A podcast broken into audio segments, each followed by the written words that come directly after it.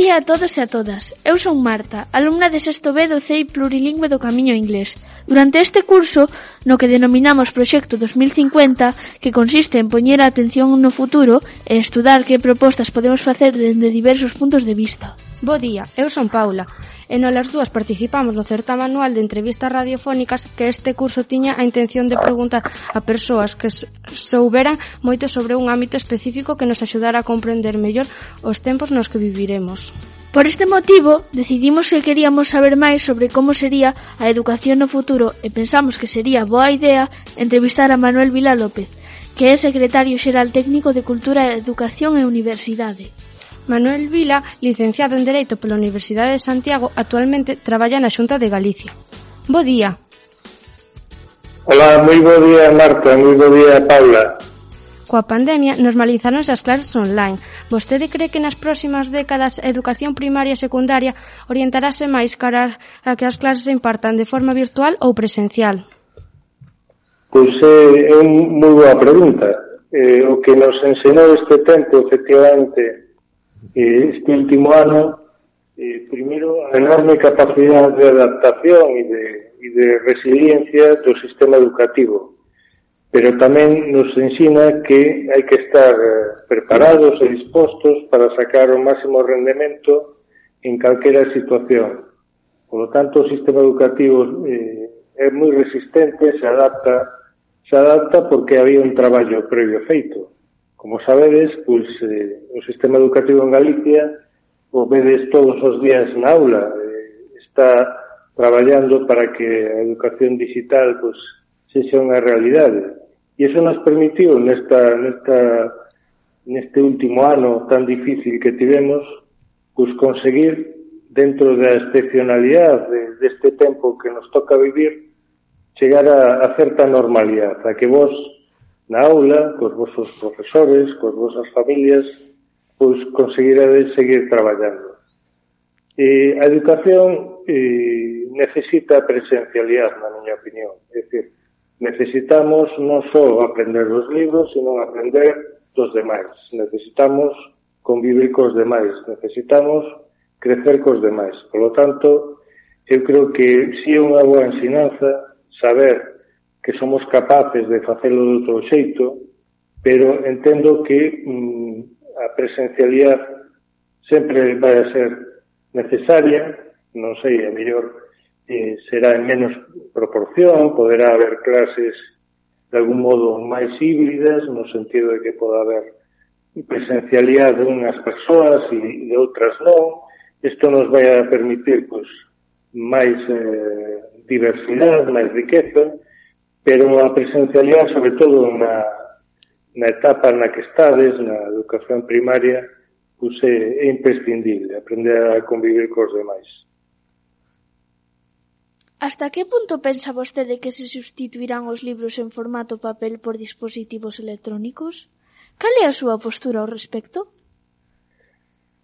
Eu, eu penso que o máis importante non é agora mesmo eh, o formato de onde aprendamos, non? porque lóxicamente estamos, estamos falando de educación digital, estamos falando de moitas fontes das que obtemos información para procesar esa información e para, para aprender. Eh, eh, volvo un pouco ao que decíamos antes, é dicir, non se trata de que nada este excluído.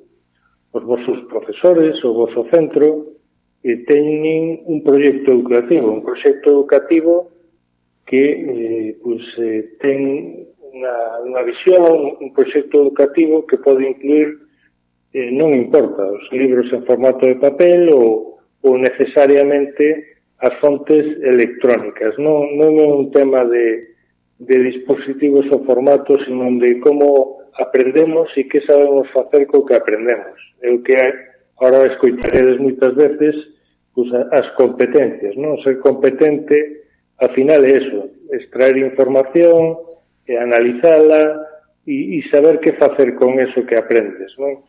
Por lo tanto, eu tampouco mm, vexo que sean, sean excluyentes eh, os libros tal e como os coñecemos e, e o formato digital que irá pues, incrementando, lóxicamente, a súa presencia. Xa que Internet é a principal fonte de acceso ao coñecemento, como valoraría vostede a figura do profesor como un guía para ensinar aos alumnos a distinguir a información relevante e verídica da que non o é?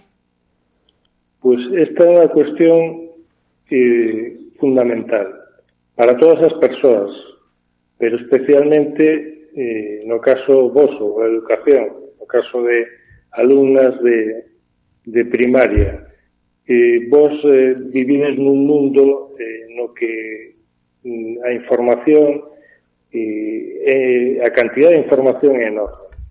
E aquí os vosos profesores, as vosas profesoras son fundamental, son fundamentales que vos vayan guiando, porque en medio de toda esa información hai moita mala información, hai moita eh, escoitaredes a expresión eh, en clases, as fake news, é dicir, as noticias malas, falsas. E iso eh, é un verdadeiro problema para o futuro. É moi, moi importante que sepamos contrastar, que, que saibamos eh, beber de, de boas fontes, distinguir a, as boas eh, as noticias ou a información que é válida da que non o é. Eso é fundamental e, polo tanto, eh, nese, nese proceso de, de, de, de contrastar e de ter boa información, a, o profesorado pois, eh, é fundamental para que vos axude a distinguir. Publicáronse recentemente estudos que afirman que nun futuro a educación primaria será máis personalizada e certas materias adaptaránse ao perfil de cada aluno. Que nos podería decir vostede ao respecto? Pois estou totalmente de acordo con esta afirmación. O máis importante do proceso educativo é que permita a cada persoa des desenvolverse, que permita a cada persoa pois, desenvolver o seu talento, desenvolver o que quere, en definitiva, que mm, permita que desenvolva a súa vida do xeito que, que desexa e que sexa exitoso. Para eso eh, cada un de nós temos unhas eh, eh vocacións, temos unhas eh, eh, habilidades, competencias, podemos ir máis despacio, podemos ir máis rápido, e é moi importante que usando cada vez máis, a mellor, eh, a tecnoloxía, a, a, o futuro da inteligencia artificial, nos vai axudar moito para que podamos cada un de nós personalizar esa aprendizaxe, pero non só na escola. Temos que aprender ao longo de toda a vida. Toda a vida necesitamos aprender. Por lo tanto, que vayamos personalizando esa aprendizaxe é fundamental para poder encauzar o noso talento e, e, e o que queremos facer. Xa que cada vez se avanza máis nas actualizacións do currículum académico, Que opina vostede sobre que nun futuro se impartan outras materias, como primeiros auxilios ou educación vial na ESO? Pois vos falaba antes de, de que o importante no currículum académico, o sea, no que aprendemos, son as competencias, eh, o que aprendemos, pero sobre todo, o máis importante, que sabemos facer co que aprendemos. E cada vez en todos os sistemas educativos, os países, o que tratan é de conseguir, como vos decía, que as persoas podan desenvolverse, que podan ser capaces de ter eh, de ter fortalezas na vida, é dicir, que aprendan, pero que teñan competencias, o que vos decía, saber facer. Por lo tanto, eh, todas estas materias, ou como querades decir, eh, primeiros auxilios, educación vial, pero moitas outras cuestións vinculadas aos valores, a tolerancia, a igualdade entre as mulleres e os homes, o que decíamos antes de, de aprender a, a, a diferenciar a boa da mala información, esa competencia do mundo digital, todo eso forma parte da educación. E, polo tanto, temas como os primeiros auxilios, ou a, a, é decir, e, e a educación vial, cosas que nos sirven no día a día, que nos van a permitir dese, eh, desenvolvernos mellor e axudar os demais, mm, teñen que estar no, no currículo teñen que estar no que aprendemos eh, nos colexios e nas escolas. Como porcentaxe de poboación que traballa no sector primario baixou moito, cree vostede que estaría ben encamiñar unha parte da ensinanza a eses oficios? E, por suposto, o sector primario é fundamental en, en, todas, en todos os países. Galicia, desde sempre, pues, tivo un sector primario eh, pues, que nos axudou a, a construirnos como país, que nos axudou a desenvolvernos. E hoxe en día eh, o que podamos facer eh, millor con ese sector primario mediante a especialización, mediante novas profesións que estén vinculadas pues, a, a ese sector, a, a leite, a, a, a, ao sector agrogateiro, a, a, a pesca, etcétera, Galicia ten moito potencial, polo tanto, non é só que recollamos o que nos dá o mar e o campo, senón que podemos facer, como podemos transformar, como podemos crear riqueza con eso. Son campo moi importante para Galicia. E aí, pois, tanto as universidades como a formación profesional son fundamentales para ir creando esas novas profesións. Vos traballaredes probablemente en profesións que aínda non existen. A maioría de vos eh, estades preparándoos para un mundo, eh, insisto, con profesións que ainda están por construir. Por lo tanto, o máis importante, eu que vos decía antes, eh, adquirir eh, esas competencias que te permitan afrontar pues, o futuro, non? Xa que cada vez a xente viaxa máis tanto por ocio como por traballo, cales poderían ser as fórmulas de mellorar o aprendizaxe de idiomas no futuro? Bueno, Isto xa é unha cuestión máis difícil de responder. Eu creo que o que se está facendo agora pois, eh, está dando resultados porque ao final aprender idiomas e aprender eh, como vive outras persoas, en outras culturas, interesarnos pola súa historia, eh, por como traballan, Por lo tanto, é o que estamos facendo. Vos sodes un centro polilingüe, pois eh, que haxa persoas de, de outros países que vayan aí e vos expliquen cal cale, cal cal é a súa cultura, como, como se desenvolven no seu país e podades pois, ter de primeira mano a, a, de primeira man alguén con, con quen falar pois, é, eh, por exemplo, unha boa estrategia viaxar sempre é a mellor estrategia viaxar con curiosidade viaxar non só eh, trasladarte de un lugar a outro, sino poñer a cabeza onde estás e tratar de, de, de buscar conexión con outras persoas. E, por suposto, traballar. Vos estades tamén en, proxecto, en proxectos europeos, e interactuades con alumnado de outros países e esa é a fonte principal de, de riqueza para, para ter curiosidade e para, para aprender idiomas.